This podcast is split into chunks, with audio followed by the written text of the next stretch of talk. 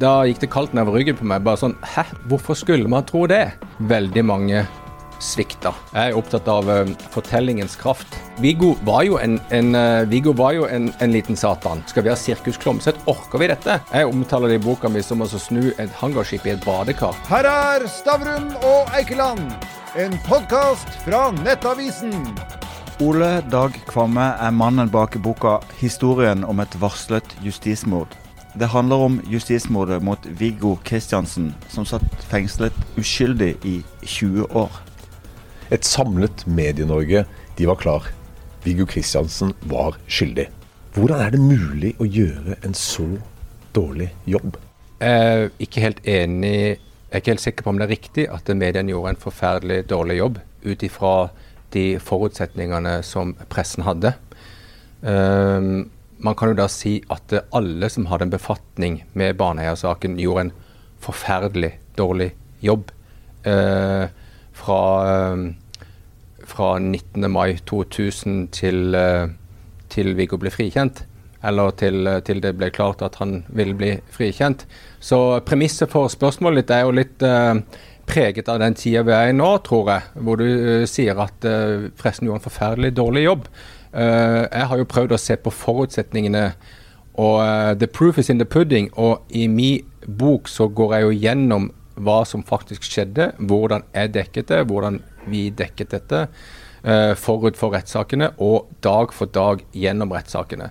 Og det er ikke sikkert at vi gjorde en uh, forferdelig dårlig jobb, uh, men det var veldig mye mer vi kunne gjort. Og særlig etter rettssakene. Og først og fremst det jeg gjerne kaller den andre, det andre justismordet Eh, fra og med 2010, da det egentlig burde bli klart for enhver med huet på rett plass at det ikke var grunnlag for å si at det var DNA fra to personer. Det er uh, det tidspunktet eh, hvor jeg vil si eh, veldig mange svikta. Nå er ikke jeg så veldig opptatt av å kalle dette et at dette handler om pressen. Uh, Baneheia-saken handler egentlig ikke om media. Det er selvfølgelig en veldig viktig diskusjon, superviktig diskusjon. og jeg, jeg ser frem mot Presse-Norges gjennomgang av den dekninga. Men justismord skjer i retten, og det er det jeg beskriver. Altså Boka heter 'Historien om et varslet justismord'. og det får en jo til å tenke på Gabriel Garcia Marquez sin berømte bok 'Beretning om et varslet mord'. Eh, der er jo på en måte plottet sånn at eh, pga. misforståelse så bestemmer noen seg for å ta livet av en person. Og så eh, gjør de det kjent, så hele bygda vet at de planlegger å ta livet av han pga. en misforståelse. Men ingen klarer å, stoppe det. Eh, er det en sånn type prosess du ser her? Altså, var det folk som så at dette var, var i ferd med å bli et justismord? Uh, nei. Og uh, det tror jeg ikke. Og, det er et, veldig godt spørsmål uh, du har, uh, og en bra referanse. når jeg har valgt å titulere det som historien om et varsla justismord, så er det ut ifra to sentrale vendepunkter i min egen forståelse av saken. da jeg leste Bjørn Ola Jahrs bok i 2017, og møtte han og satte meg ned på kafé med han um, da han kom til Kristiansand etter det berømte Bokbadet biblioteket, uh, så, og gikk hjem og leste boka etterpå, så falt en del biter på plass. Jeg fikk den andre fortellinga om hva dette kunne ha vært. Uh, boka ikke, var egentlig ikke så veldig bra, men den stabla ting på en ny måte, ting som jeg kjente til fra før. Når jeg da satte meg ned og leste gjennom Jeg fant den røde permen med alle Jeg hadde printa viste det seg, printa alle reportasjene mine, 250 reportasjer. Uh, jeg hadde skrevet én til fem uh, saker fra hver dag i retten. Med den kunnskapen jeg da hadde, og det å lese gjennom dag for dag hva som faktisk hadde skjedd i retten, da, gikk det kaldt nedover ryggen på meg. Bare sånn Hæ? uh, hva er nå Ole Dag, hva er nå dette? det var jo tydelig at jøss, hvorfor stopper man ikke opp her? Uh, hva, hva, er det som kommer fram her? Uh, her sier jo Bente Mevåg at uh, rett fram at jeg er ikke sikker på det egentlig det var to mann til stede. Og jeg bare sånn der, ble sjokkert Ikke sjokkert, jeg ble overraska over at den fortellinga som lå der allerede, den varslet jo på en måte et, et frampek mot justismordet. Og det som ble veldig tydelig for meg, er jo at uh, dommerne er resultat av valg som retten gjør. Uh, de velger å se på altså Mobilbeviset var jo helt åpenbart i retten at dette ikke er han på greip. Um, retten valgte å tolke det slik at det var en teoretisk mulighet. DNA-beviset det var helt åpenbart at det var svakt fundert at det viste to menn. Men retten velgte i to instanser. Og når retten etter byretten, når vi går til lagmannsretten og journalistene lurer på hva er spent på hvordan vil lagmannsretten se på dette, så sementerer lagmannsretten den oppfatninga. Uh, og uh, men når jeg ser tilbake og ser gjennom fortellinga, så ser jeg at dette er jo varsla. Altså, vi ser jo dette hele veien her. Uh, hvorfor satt Da kan man stille spørsmålet hvorfor satte vi oss ikke ned etterpå og gikk gjennom dette? Men da hadde du altså hatt en byrett, du hadde hatt lagmannsrett. Og vi er jo ikke konspirasjonsteoretikere. Vi, liksom, vi, hadde jo ingen grunn til å si OK, greit, da, da var det sånn, da. Men, men, jeg, jeg, og da ble det fortellinger. Ja. Mm. Men, men, jeg hører hva du sier der, og, og, og du, du, har muligens rett på det. Men, altså her Det er jo ikke bare i Baneheia-saken uh, det har blitt gjort feil. Altså Det var Birgitte Tengs-saken uh, til fetteren der som, som eh, ja, ble jo bare halshogga også i media. Eh, det var påtalemyndighetens feil, det er ikke det, men media slukte det rått. Eh, nå er det jo den Orderud-saken som skal opp. Det blir spennende å se der om det er litt, litt, litt samme greia. ikke sant? Og, og, det er da jeg tenker sånn Og det du sier nå Har ikke da media også svikta? Altså at, vi burde ha, sett på dette. Ikke sant? Jo, øh, selvfølgelig. Uh, altså, saken har så mange elementer ved seg som jeg må dele litt opp. Jeg er jo veldig opptatt i, eh, i min bok så handler det så mye om uh, åpenhet og tilgang. Uh, det som uh, dekninga bærer preg av i Baneheia-saken, er en god og for så vidt fortjenstfull dekning av det som kommer fram underveis. Uh, og mediene gjorde en iherdig jobb for å prøve å få tilgang til egen informasjon. Uh, ikke fordi at man trodde at politiet var på ville veier, Uh, hvorfor skulle man tro det? Men for å prøve å få sin egne for, egen dekning. Og dette med tilgang til etterforskningsdokumenter er jo et utrolig viktig poeng. Det gjelder Tina Jørgensen-saken. Jeg akkurat lest gjennom Ellen Frafjords bok på nytt. Jeg har lest sakene om Birgitte og politiets arbeid. Og det som er, for å svare litt på ditt spørsmål, litt snirklete, så er jeg jo veldig opptatt av at ikke vi skal ha en overdreven tro på rettssikkerheten i Norge. Vi må forstå hvor sårbar den er, og hvor uh, at politifolk, selv dyktige politifolk med de beste hensikter, uh, gjerne i iveren etter å løse saker, uh, kan i ettertid så kaller vi det tunnelsyn. Der og da så, så handler det om å prøve at, at man føler man har en løsning. Uh, og så er pressen bare én av flere elementer som vi kan kalle som er kontrollfunksjoner i denne prosessen. Og jeg er jo veldig opptatt av at vi må ha en uh, helt annen åpenhet uh, og kontrollmuligheten for rettsprosesser i Norge for å skape legitimitet og tillitssystem som helt åpenbart har svikta i i disse sakene, og også saker vi ikke kjenner til. Det er jo kjent sak at uh, det er mange år siden, i 2008, uh, eh, at det kommer ut bra bøker om justismord som forteller helt åpenbart og samler en del forskning om dette, at det foregår flere titalls justismord i Norge. Uh, nå er jo bruken av ordet justismord litt spesiell. Vi Jurister bruker gjerne ordet justisfeil, for det kan ha ulike typer effekter. Jeg bruker ordet justismord i min bok, for det er det kanskje folk forstår. Men i en faglig diskusjon så handler det om justisfeil som kan ha ulik uh, alvorlighetsgrad. Og, og, da er pressens, pressens rolle hva, hva du, hva du, det, det, går litt tilbake til deg, Eikeland. Hva er det du mener pressen skulle gjort? Skulle de grave etter dokumenter man ikke får tilgang til? Uh, I dag så ser vi at uh, Bjørn Ola Jahr uh, lager podkast etter podkast og kapitaliserer på informasjon som han har alene lekka. fått lekka fra forsvarsadvokater som ser at de har en interesse av at Jahr kjører den saken sin. Og jeg har ikke tilgang til de samme dokumentene. Men jeg har etter 23 år ikke fått tilgang til straffesaksdokumentene i Baneheia. Eh, klart det er et åpenbart rettssikkerhetsproblem at ikke vi får uh, åpen tilgang. Du peker egentlig på forskjellen bl.a. på norsk og svensk uh, tilgang til, til strafferettsdokumenter. Men litt tilbake til, til selve saken. Eh, fordi at Vi som er fra Kristiansand, denne saken gjorde jo et enormt inntrykk på hele byen. Eh, og det var et ekstremt krav for å få oppklart saken. og selv lenge etter at fakta var på bordet, så vegra jo mange i Kristiansand seg for å ta inn over seg at det kunne vært justismord. Tror du, for Det er det som jeg på en måte føler minner litt om Gabriel Gazide Marquez. At, det, at, det er på en måte at man lukker man lukker eh, på en måte også øynene for alternative ting. For man har ikke lyst til å høre den alternative historien. Ja, Det tror jeg du er helt åpenbart rett i. Eh, jeg er opptatt av uh, fortellingens kraft.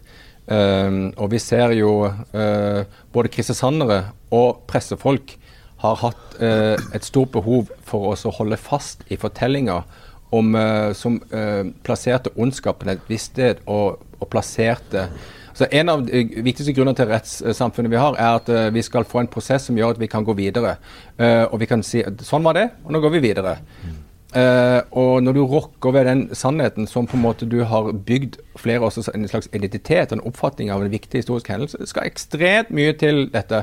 Jeg omtaler det i boka mi som å snu et hangarskip i et badekar. Det er, liksom, det er, nesten helt umulig, og særlig for kristiansandere. Jeg møter jo kristiansandere når, når, jeg skjønte at denne saken her handler om et justismord, og det er uh, flere år siden, så tørte ikke jeg, så snakka jeg ikke om det uh, med familie og venner. Jeg sier ja, altså det finnes jo to måter å være uskyldig på. Uh, du kan være uskyldig dømt fordi bevisene ikke holder, og så kan det være at du faktisk ikke var der. Vel, det jeg har skjønt, sa jeg da, er at bevisene iallfall ikke holdt. Mm. Der måtte jeg begynne for å unngå å skape konfrontasjoner med folk som jeg omgikk med, som hadde klar oppfatning av at, uh, at uh, Viggo var mannen fra helvete.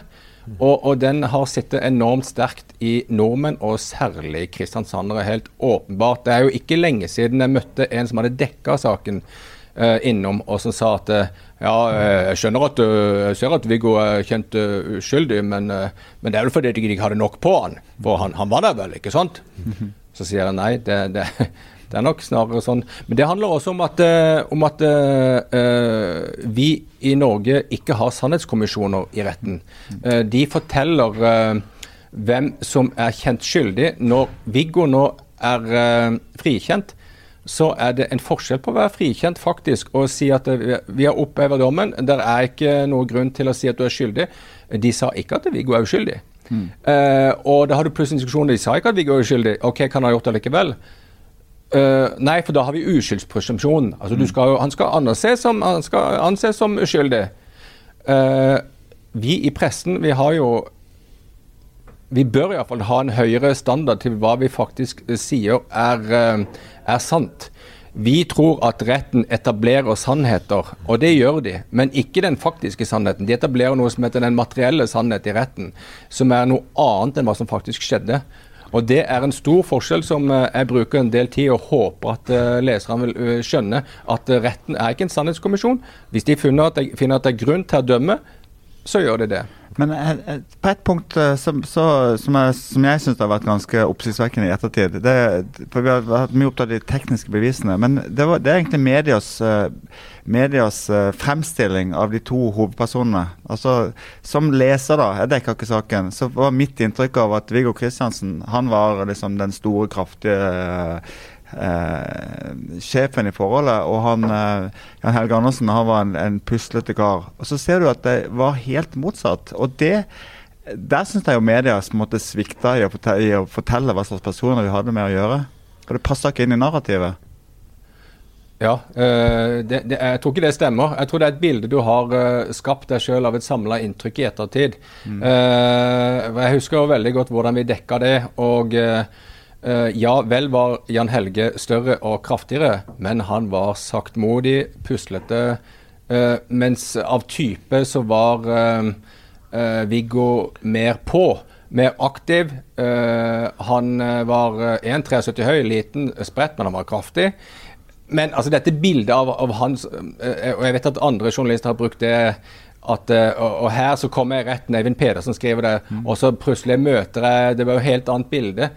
Jeg opplever det som en konstruksjon. Jeg har ikke det bildet i det hele tatt. Og jeg har heller ikke det bildet av Viggo som, en, uh, som noe ondskap i det hele tatt. Og jeg var der hver dag i, i retten. Så jeg tror det er sånne bilder man lager seg kanskje i, i etter, uh, ettertid. Ja, men, jeg, jeg, ser det ikke men, sånn. Sorry. Ja. Nei, men, uh, okay, jeg er faktisk litt enig, enig med Gunnar at, at Viggo ble fremstilt som for meg i hvert fall som sjefen. At han var sjefen i forholdet, selv om han var liten. Men han var en gammel turner, han var jo spretten, han var kraftig og alt dette her. Men, men, han var jo det. Ja, ikke sant? I, i, dere, I, deres sosiale omgang med folk mm. på, på Eg, mm. så var jo Viggo uh, Viggo var jo en, en, Viggo var jo en, en liten satan. Han hadde jo vært det i mange år. Eh, de overgrepene som han innrømte og, eh, og, ble dømt for, var jo helt uh, forferdelige. Så det er jo også slik at Viggo Kristiansen også var sin egen verste fiende. I avhørene så fortalte jo han alt mulig bull. Altså, han hadde ikke, han, han syntes ikke det var så jævla nøye med hvor han hadde vært her og da hva og da. For han visste jo at visste jo at da han kom i retten, så ville nok liksom alle skjønne at hvor uskyldig han var. Jo, men, men han ble fanga ja. av, av, det. Men mm. dette her med at uh, han sosialt sett var en oppkjeftig. Han var den som tok ordet når de møtte folk. Han var den som skreik i gata. Han var den som tok kontakt med andre. Ja. Så hadde du Jan Helge som var litt som sto i bakhånd. Uh, og, og, i det sosiale spillet der folk møtte de to, så var nok det riktig eh, sjefen eller ikke sjefen. Dette var et stort, Hvis du leser boka, så vil du si at dette, dette slett ikke heller var entydig i, i retten. Eh, Edvard Dahl sier flere ganger i retten at uh, nå skal vi ikke høre for mye på det Jan Helge. Jeg tror ikke at Jan Helge snakker sannheten, sier Edvard Dahl flere ganger og stiller spørsmålstegn og tviler på politiets fremstilling. Men, men tror du ikke at dere i pressen ble farga litt? At, at det at han innrømma disse overgrepene mot denne unge jenta og, altså i forkant, og at han var den lille Satan, som du sa, ble fremstilt som det, i hvert fall i, på eg i, i forkant, at, at, det ble påvirka. For det, du sier det. Eh, hvorfor så vi ikke det eh, når du så tilbake eh, nå, eh, ti år etterpå, eller var det når du leste gjennom papirene? At da var det hun eh, DNA-dama som sa at hun kunne ikke være sikker på om det var to gjerningsmenn. Altså, det, det kom iallfall ikke for meg veldig tydelig frem i pressen. Eh, mobilsporet det var jo relativt eh, det, det, kunne man jo diskutere. Det jo, ble jo litt diskutert. DNA-beviset, der kunne man jo faktisk som presse gått til en ekspert i England sånn som de andre gjorde. Det kunne man faktisk ha gjort. Altså, stemmer dette de sier? Altså, bare for å ta det litt sånn, Jeg vet at dette er etterpåklokskapens navn, men, men man kunne ha gjort det hvis man gjorde en veldig god jobb og var den fjerde statsmakt. Ja, jeg syns du, du, stiller sant, eh, gode spørsmål. Og, og, det er jo derfor jeg har skrevet boka. For å synliggjøre hvordan man jobber, for at uh, leseren skal se uh, hvordan dette skreid faktisk fram. Uh, faktisk. Marius Tetli i, i, VG reiste ned til til instituttet i, i, Spania for å spørre dem hvordan de egentlig hadde jobba, hva nå egentlig dette var. Uh, og, og, fikk uh, ganske lite svar. Mer sånn vi kan ikke snakke om denne saken spesielt, uh, men, men, vi leverer oss ikke fakta, fra oss fakta før vi er sikre på hva arbeidet vi har gjort. du må Det som er litt av tricky i barnehage hvorfor er det ingen som stiller spørsmålstegn om hele politiets teori om at det var to? for vi visste jo at det, det var Jan Helge var der. Det var jo uomtvista. Så var jo det hele poenget mitt, som altså skriver ganske mye om, at så lenge vi hadde DNA som sa at OK, vi er kanskje usikre på det er 54,6% som deler allel 10 av den norske befolkning. Men det var jo ikke hovedpoenget. Hovedpoenget er at det var da DNA fra to personer. Hvorfor skulle vi tvile på det, Eikeland? Mm. Eh, det er et sentralt for, premiss for, å forstå hele Baneheia-saken. At så lenge man hadde DNA fra to, så var det en akademisk øvelse å skulle tro at den andre ikke var Viggo. Det var der vi var. Eh, men når vi i 2008 inviterte Klomsæt eh, til Agder Journalistlags sommerkonferanse, så satt jeg sjøl og var med og diskuterte om vi skulle gjøre det. Og jeg, og jeg var sekretær, så jeg har dette nedtegna. Uh, hvor jeg selv at Vi diskuterte jo alle dommen etterpå. Det er klart denne saken må diskuteres. Og hele poenget, ja, men Er Kristiansand klar for det? Klarer vi det i det hele tatt? Skal vi ha Sirkus Klomsæt? Orker vi dette? Ja, men Det er viktige spørsmål. Hva er vi enige om? Uh, og, og, så er spørsmålet litt da, tilbake til det. Hvorfor gikk man ikke og tok disse her eh, svarene og gikk til utenlandske eksperter, sånn som vi kanskje ville gjort i dag? For det første så tror jeg ikke man hadde så en grunnlag for det. Altså med dynamikken i saken. Man hadde ikke egen tilgang. Uh, og tilbake til deling av dokumenter. Denne uh, denne rapporten fra Spania fra november 2000, med en tilleggsrapport fra desember 2000, eh, den fikk ikke vi tilgang på. Den ble lagt fram i retten, deler av det. Men jeg har prøvd nå i halvannet år å få rede på om den eh, ble såkalt dokumentert i retten. Eh, det har ennå ikke noen kunnet svare meg på. Man vet ennå ikke i dag hva som faktisk ble dokumentert for retten.